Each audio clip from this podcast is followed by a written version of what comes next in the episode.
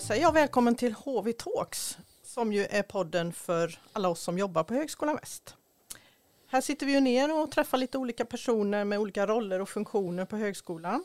För vi är ju faktiskt ganska många nu, 750 cirkus, närmare 800. Så det finns ju många att träffa och pratas med. Jag heter Anna Hallberg och finns på avdelningen för kommunikation och internationella relationer. Dagens gäst, han sjunger på sista versen, alla fall på Högskolan Väst. Om bara några veckor så är det ju dags att gå vidare till ett nytt uppdrag och ett nytt lärosäte. Men eh, innan dess tänkte vi att vi skulle passa på att summera, reflektera lite tillsammans här över de närmare sex åren som eh, han har varit här nu. Vad har liksom utmärkt den här tiden? Så välkommen Martin Hellström, rektor. Tack så mycket. Kul att du vill vara med och ha, ge, ta dig tid till det här lilla samtalet. Känns kul att kunna summera lite tillsammans. Äntligen skulle jag vilja säga, äntligen får man en inbjudan till det här. Ah, det var på tiden. Ja, man måste nästan sluta för att få den äran. ja, precis. Men nu var det dags. Jag måste nästan börja med den där lite klassiska frågan, alltså hur känns det? Nu, nu är du liksom bara några veckor då till du kliver av och går vidare till Mälardalens universitet som rektor, första oktober. Hur, eh, hur känns det innanför huden? ja, just nu känns det kanske inte så bra. Liksom man eh, sitter mitt i en flytt, väldigt praktiskt. Eh, många praktiska saker att tänka på. Eh, man är tankemässigt redan på det andra stället lite grann och samtidigt eh, blir det klart för en vad man lämnar bakom sig när man går härifrån och det känns ju också tufft. Jag tycker det har varit en väldigt bra tid och eh, många fina människor och medarbetare och eh, ja, det är att gå vidare. Det är en cesur i mitt liv och eh, eh, så det är dubbelt kan man säga. Mm. Mm. Förväntansfullt men också lite ja, ledsamhet. Mm, och, lite sorgligt ja. på ett sätt. Mm. Mm, mm.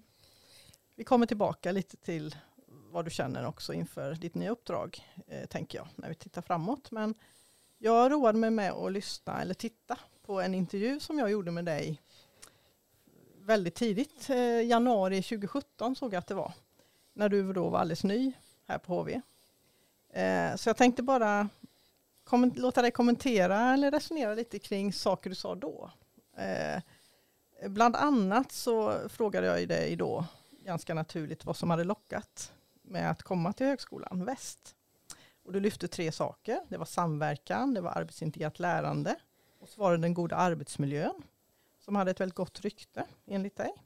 Att man trivs här. Har detta stämt höll jag på att säga. Alltså är det goda, goda exempel på bra saker hos Högskolan Väst tycker du fortfarande nu när du har upplevt det själv? Då skulle jag nästan vilja säga att jag skulle understryka det ännu mer. Mm. Mm. Att det är en väldigt god arbetsmiljö mm. överlag. Eh, vi har verkligen jobbat med arbetsintegrerat lärande och det hade man inte kunnat göra om man inte hade liksom redan gjort det innan. Så det var en fortsättning på ett eh, arbete som har gjorts under många år. Och eh, jag tror också att vi har under tiden konceptualiserat samverkansidén på olika nivåer. Och det betyder också att vi har jobbat vidare på någonting som redan fanns och som jag tyckte var attraherande. Så på så sätt eh, tycker jag att eh, det var ju nästan lite klokt. var det på kände. Det var du på mm. den tiden. Ja. nej. Kan du se några andra styrkor som har växt fram liksom under tiden här nu eller är det det där som utkristalliserar sig fortfarande tycker du? Det tycker jag definitivt. Som sagt, alltså, jag tycker det är än mer än när jag började. Mm. Sen finns det en aspekt som, som jag inte kände till då, men som har väldigt stor betydelse tycker jag. Det är um, att vara en uh, samhällsaktör. Eh, det hade jag inte riktigt så på kartan i början. Men um, min föregångare hon uh, jobbade ju med in, demokratiinitiativet. Och det har vi tagit vidare eller med oss. Och ehm, när vi gjorde varumärkesarbetet 16-17 tillsammans. då sa vi någonting om att vi ska vara en aktiv samhällsaktör. Det var en lite olycklig formulering. Aktiv samhällsaktör, kan man vara en passiv samhällsaktör? Ja det kan man vara. Eh, när man liksom följer med när andra drar i någonting. Så med aktiv samhällsaktör vill vi säga att vi tar lid i vissa frågor. Och väntar inte tills alla andra gör det. Och, um, därför tror jag att den där idén om att vara en samhällsaktör och vi hade ju lite variationer sen på detta också, game changer och så vidare.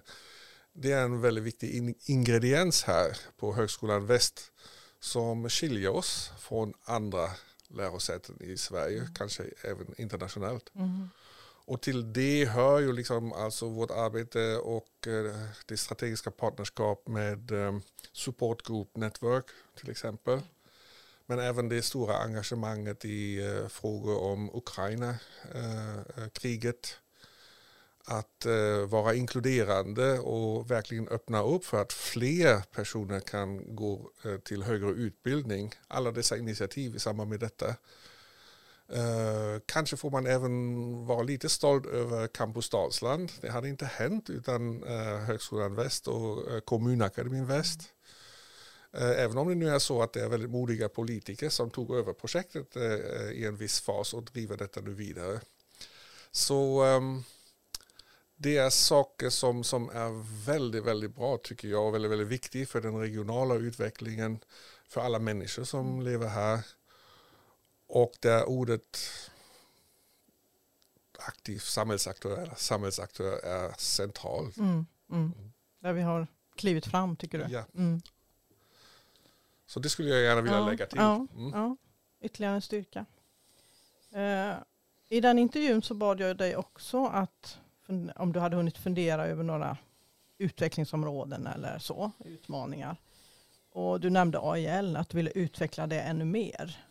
Känner du att, du att vi har gjort det under de här sex åren? Ja, det har vi ju verkligen gjort. Alltså, eh, som ett, ett väldigt tydligt exempel kan man ju säga att eh, vi inrättade en forskarutbildning i AIL. Och, eh, visserligen hade vi eh, tillstånd i området men att göra det till en forskarutbildning samtidigt som vi la ner tre stycken andra forskarutbildningar i det området. Det tycker jag är väldigt ett bevis på att vi har tagit det väldigt, väldigt långt. Alltså arbetsintegrerat arbetsintegrerat lärande inte bara som filosofi och metod utan även som ett ämne. Och det är ju unikt och eh, vi är ju enda lärosätet i världen som har AIL som ett ämne och som forskarutbildningsämne. Mm. Mm. Sen finns det mycket annat som vi har utvecklat, konceptualiserat. Bland annat med hjälp av att eh, AIL certifierar alla våra eh, program. Mm. Och att inrätta ett en komplett akademisk miljö som vi nu kallar det uh, i AIL å ena sidan och produktionsteknik å andra sidan. Uh, det tycker jag är väldigt tydliga signaler och uh, även resultat på vårt arbete med att konceptualisera och utveckla AIL. Mm, mm. Jag tror det är ett enastående arbete vi har gjort och jag är väldigt stolt över mm, detta. Mm. Det är väl flera väldigt tydliga bevis, verkligen sista från intervjun här så sa du också att du ville integrera forskning och utbildning ännu mer. Hur skulle du beskriva den utvecklingen? Har vi gått åt det hållet? Det har vi också gjort och eh, um, jag nämnde redan de kompletta akademiska miljöerna där ju en utgångsidé är att förena utbildning, forskning och samverkan på alla nivåer. Och um, där vi har sagt i ledningsgruppen att eh, det är viktigt att studenterna också förstår detta, att vi inte bara gör detta utan eh, att man träffar professorer och forskare eh, i grundutbildningen. Och jag vill också påpeka att det var kåren som drev frågan, liksom att de vill träffa forskare, doktorander på grundnivån och mm. det tog ledningsgruppen till sig. Så det tycker jag är ett väldigt bra exempel på studentinflytande. Och eh, på vissa enheter och institutioner har man verkligen eh, eh, börjat omsätta detta och även möblerat om i programutbudet så att det passar ihop och att forskning och utbildning passar ihop. Så det är inte bara någonting vi har sagt utan där vi verkligen har gått i handling i olika grader. Och som sagt rent strukturellt för att säkra upp att detta liksom överlever över tid har vi grundidén om de två kompletta akademiska miljöerna. Därför då kan man inte abdikera från det kravet. Så det är en del av strukturen och inte beroende på vem som är rektor eller vem som är prefekt. Mm. Eller så. Mm. mm. Då släpper vi den gamla intervjun.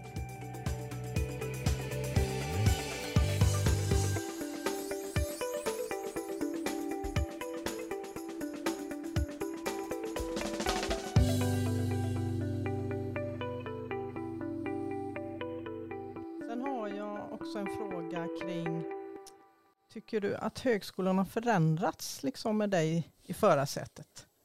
Eh, du pekar ju på områden som har utvecklats, men jag vet inte, i kulturen eller själen eller alltså, är det annorlunda att vara medarbetare på högskolan nu än för sex år sedan? Tror du? Ja, alltså det kan jag nästan inte svara på. Jag, jag överblickar ju inte den tid eh, innan eh, jag var här. Men Uh, vi har ju gjort vissa saker. Uh, uh, jag tror samverkan, vi har gått och räckt ut en hand till uh, Fyrbodal, till alla kommuner runt omkring. Och det man hör därifrån, inte överallt, det finns ett undantag där, men alltså för övrigt i 13 kommuner, liksom, att man upplever att Uh, Eh, det är lätt att uh, närma sig högskolan. Det är roligt uh, och inspirerande och viktigt att samverka med högskolan. Och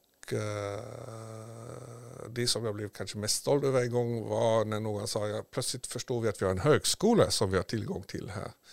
Mm. Så det tyder ju på att man eh, upplever eh, att högskolan är present, närvarande och aktiv eh, i samverkan med det så kallade omgivande samhället på ett tydligare Ännu mer aktivt sätt. Då, sätt ja. Mm.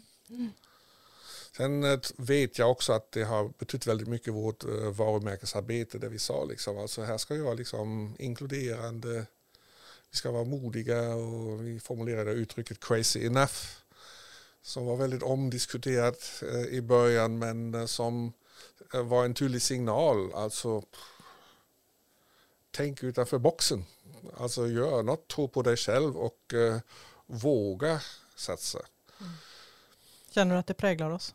Ja det tycker jag. Mm. Alltså när man får, igår hade vi besök från Vinnova till exempel men vi har besök från andra lärosäten och de säger ju nästan alla samma sak. Liksom. Alltså ni gör saker på ett helt annat sätt. Och sen tycker de att det är kul. Eh, så kul att de vill komma hit och göra studiebesök. Så det måste vara ändå någonting som man upplever i sektorn som något positivt. Mm. Och jag vet när jag kom hit så då var vår andel av det totala forskningsanslaget i Sverige 0,23 procent. Och jag vet att jag sa till medarbetarna, alltså då ska vi åtminstone ha kul. Vi är ju vinnare bara vi går till jobbet. Alltså allt vi gör för dessa oerhört eh, låga 0,23 procentenheterna. Alltså det är, ju, det är ju helt enormt vad vi gör. Idag ligger vi över 0,4 lite grann. Mm. Det är fortfarande ingenting skulle jag vilja påstå. Men äh, det där liksom att äh, ja, vi gör så mycket gott, vi gör så mycket bra forskning vi får så mycket externa medel för att vi har duktiga forskare som, som lyckas eh, skriva bra ansökningar och attrahera eh, samverkanspartners. Ja, då ska vi ha kul för, för detta mm, också. Mm.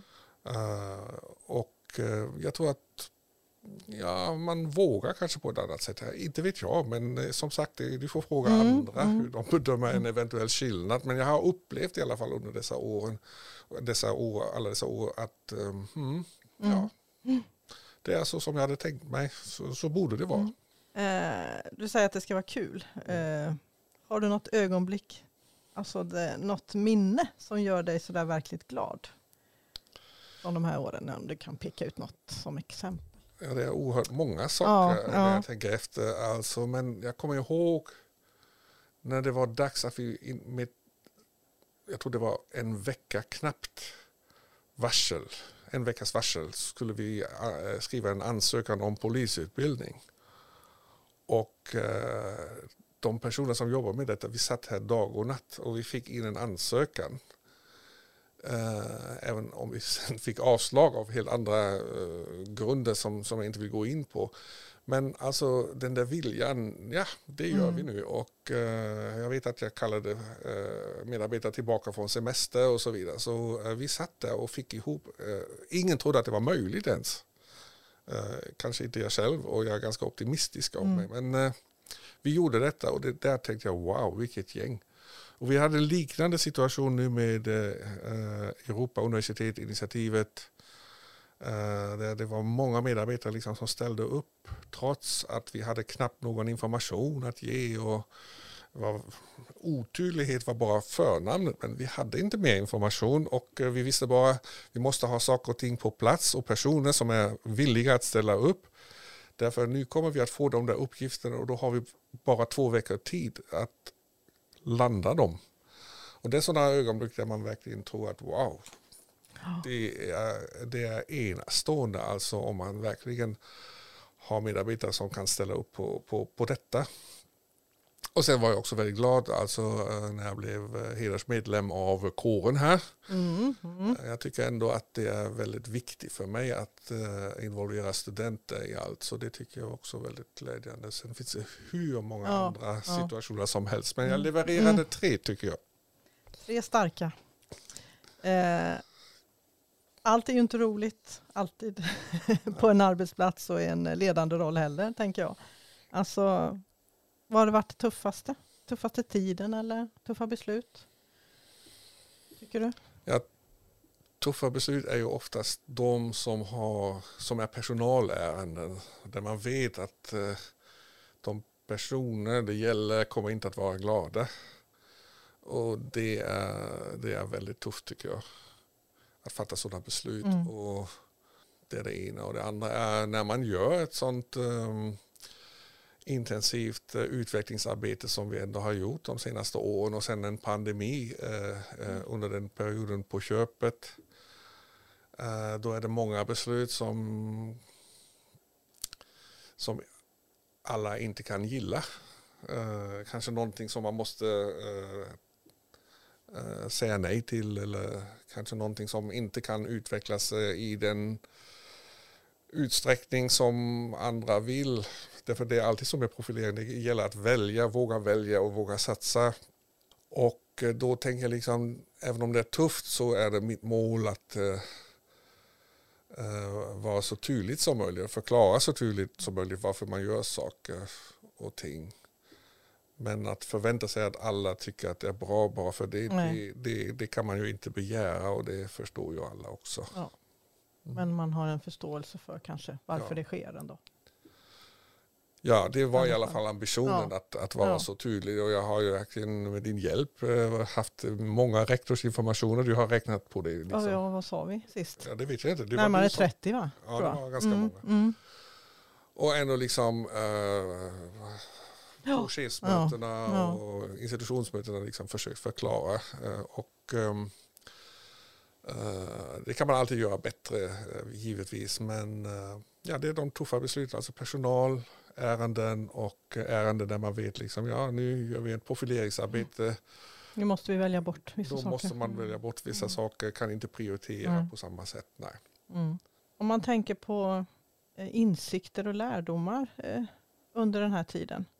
Vad känner du att du plockar med dig kanske in i nästa? Du ska ju vara rektor igen så att säga, eller personligen. Eller, alltså, har du några funderingar kring vad, vad någonting sådär du plockar med dig?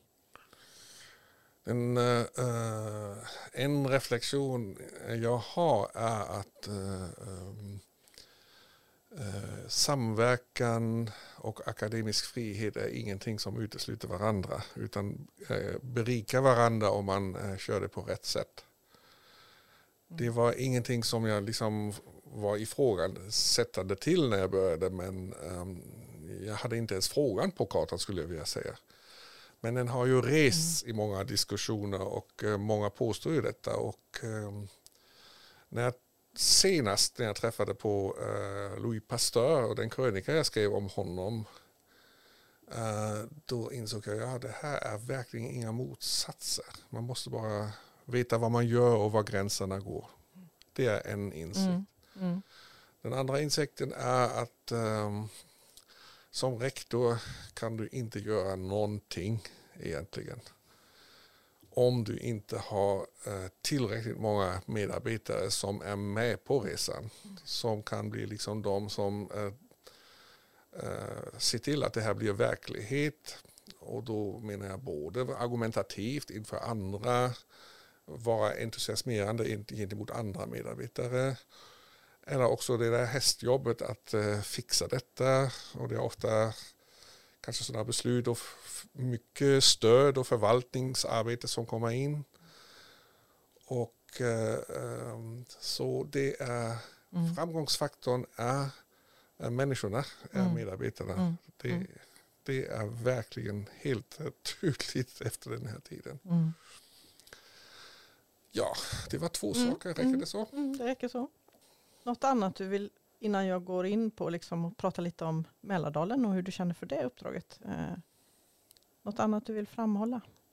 Jag tror, jag har ju jobbat på många lärosäten mm. faktiskt. Mm. Eh, och även i Sverige och en ett lärosäte i Tyskland. Och det som skiljer eh, Högskolan Väst från andra lärosäten är den enorma viljan till att eh, åstadkomma någonting. Till alltså samhällets bästa, till forskningens bästa och till HVs bästa. Och att jag har träffat så många eh, medarbetare som har prestige, prestigelöst eh, eh, gått in i det arbetet. Liksom. Även om det kostade liksom, fördelar de hade innan. Eh, och vara övertygad om att vi försöker göra det bästa för lärosätet, för studenterna, för utbildningens skull, för forskningens skull. Uh, det tror jag nog är en um, framgångsfaktor mm. som är unik i den utsträckning som jag har upplevt den här. Och alltså, jag, menar, eh, jag menar inte bara liksom lärare och studenter, jag menar verkligen all personal uh, på uh, jobbet. Och, idag träffade jag en professor som är alldeles nyanställd som sa att det är märkligt att jag känner inte folk, de känner inte mig, men alla uh, möta mig med ett leende. Många kommer fram och frågar kan jag hjälpa dig? Härligt. När man så lagom förvirrad. Mm, mm. Så, uh, så det är inte bara jag utan det är också vittnesmål från andra som, som säger liksom det här är speciellt, speciell uh, arbetsklimat. Mm. Ja, det är ett stort antal eldsjälar på något sätt då kanske som är samlade på samma ställe. Ja, mm. vänliga eldsjälar. Vänliga eldsjälar. Mm. Men man behöver också detta och det är ju viktigt. Man ja. behöver också, också critical friends. Ja. Så att bara le, alltså i längden, då handlar det ju om att verkligen uh, ta lite strider och uh, inte för att vinna den eller förlora den utan snarare för att vässa argumenten, få inspel som gör att man, ja, har jag tänkt rätt eller har vi tänkt rätt och så vidare. Mm. Så Alltså vänliga själar kan också vara väldigt bra critical friends. Mm. Och det mm. ena utesluter inte det andra. Och det tycker jag att eh, det är en väldigt, väldigt bra blandning. Mm. Och väldigt många personer som fungerar så här på Högskolan Väst. Mm. Härligt att höra.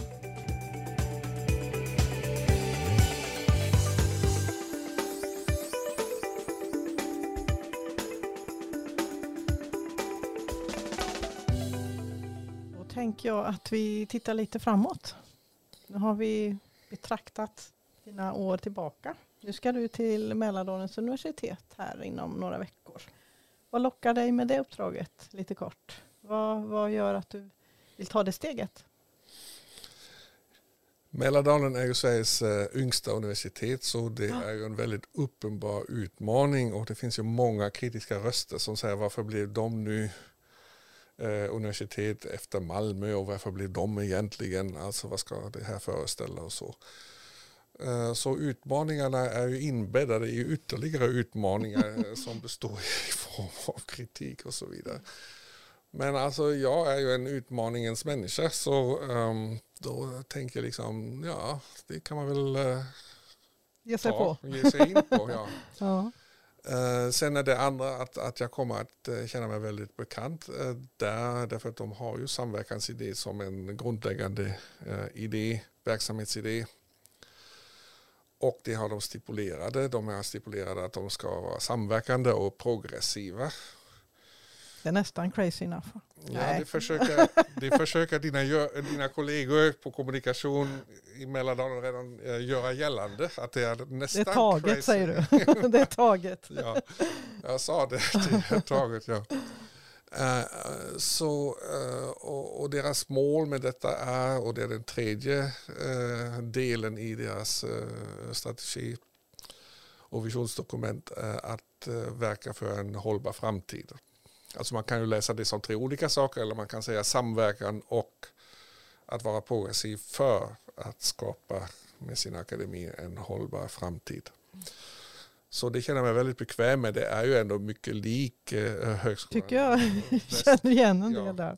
Ja visst. Och, och kanske, det får jag ju kolla, liksom, har de sneglat på Mm. våra dokument? Jag har ingen aning. Eh, men alltså de har eh, stora utmaningar. Det är ett stort steg att bli universitet Mm. och eh, sk- skapa liksom alltså en eh, stabil struktur för detta och eh, verkligen ta positioner eh, i forskarvärlden internationellt. Det är ju någonting som man skulle kunna kräva i högre grad från ett universitet än från en högskola. Men min personliga idé är egentligen, och jag frågade faktiskt under anställningsintervjuerna, jag vill ni hålla fast vid det här med samverkan även som universitet? Och det svarar man eh, unisont eh, ja på. Mm. Mm. Det var viktigt för dig då. Ja, så Mm. annars hade jag nog inte gjort Nej, det nej. faktiskt. Och eh, det är ju en utmaning i sig liksom, att behålla liksom, den ansatsen eh, med universitetsstatus. De flesta universitet liksom, är försöker fortfarande vara någonting annat. Och i den diskussionen om eh, samverkansutredning så var det ju många etablerade lärosäten som tyckte att det var en felaktig väg att gå. Mm. okej. Så jag tror nog att eh, min ambition är liksom att ta dessa utmaningar och verkligen eh, vara med att bygga det samverkande universitetet där eh, i Västerås och Eskilstuna. De har ju två campus. Mm. Mm. Nästa månad måste jag säga vi Mm. har två campus. En utmaning. Ja. Så det lockar Ja, mig och det mm. ser jag liksom, jag ta med mig mina erfarenheter i de områdena. Så, ehm, det finns ju en risk för att jag är än mer otålig än här, därför nu vet jag ju hur man gör. Så, Fast det är en liten större ja. Så det, verksamhet och baxa i mål så att säga. mm. Jag hade också kunnat säga när du frågade mig tidigare, liksom, vad har du lärt dig? Liksom, Mm. Timing. Mm. Ja, Alltså mycket är en fråga av timing. Eh, Beslut som verkar vara helt galna eller omöjliga att ge- genomföra. Plötsligt när vissa andra saker har hänt och klick, då är tiden där Mm. för att ta det steget också. Så det är ganska intressant. Det har jag tidigare inte tänkt på så mycket. Men alltså när kan man göra saker och Mm. ting? Det är också en väldigt, väldigt viktig Taktik fråga. kanske också. Mm, Mm. Ja, ibland taktik, Mm. men ibland kommer det liksom helt oplanerat. Mm. Då är det Mm. bara en tillfällighet. Sen kan man göra en berättelse om det som om det hade varit taktik också. Ja. ja, men det är en Mm. annan fråga. Det är en kommunikations... Ja. eh, Det känner vi till. ja, eller? En kommunikationsfråga. Eh, slutligen, som många kanske undrar, hur blir det nu då med krokodilen? Åker den med till Mälardalen eller släpper du den kvar här? Det är som jag sa i en film faktiskt, alltså det är ju statlig egendom. Så den stannar här. Den jag stannar tycker här, liksom alltså Paulina och jag har hittat ett bra sätt Mm. att eh, ge dem alltså en eh, fredlig samvaro i sällskap med en annan krokodil. Så det är två krokodiler eh, och de kommer att trivas här. Och nej, jag tar dem inte med till eh, Västerås. Nej, det kanske är bra. Ja. Det var en eh, Högskolan Väst-grej kanske man kan tänka. Och en Martin-grej. Kanske så. Ja. Ja. Mm. Då Martin säger jag stort tack för det här pratstunden eh, och för din tid på högskolan säger jag. Vi kommer ju sakna dig, verkligen. Så att, eh, men vi stort lycka till såklart framöver. Så Stort tack Anna och tack också för vårt samarbete. Mm. Vi har verkligen mm. jobbat oerhört tajt mm. Eh, med varandra och eh, det var ju oerhört givande. Och, um, kommunikation är ju en sak som, som, som är väldigt uh, viktig och ofta underskattad. Uh, inte minst när det gäller varumärkesarbetet. Så jag tror att uh, vi har en oerhört bra kommunikationsavdelning här som har verkligen byggt ett varumärke runt de där ingredienserna, samhällsaktör, arbetsidéatlärande, produktionsteknik. Mm. Så jag tycker att eh, ja, det har varit en väldigt bra tid. Mm. Stort tack själv. Mm. Kul att höra. Och jag säger detsamma. Det har varit väldigt roligt att jobba med.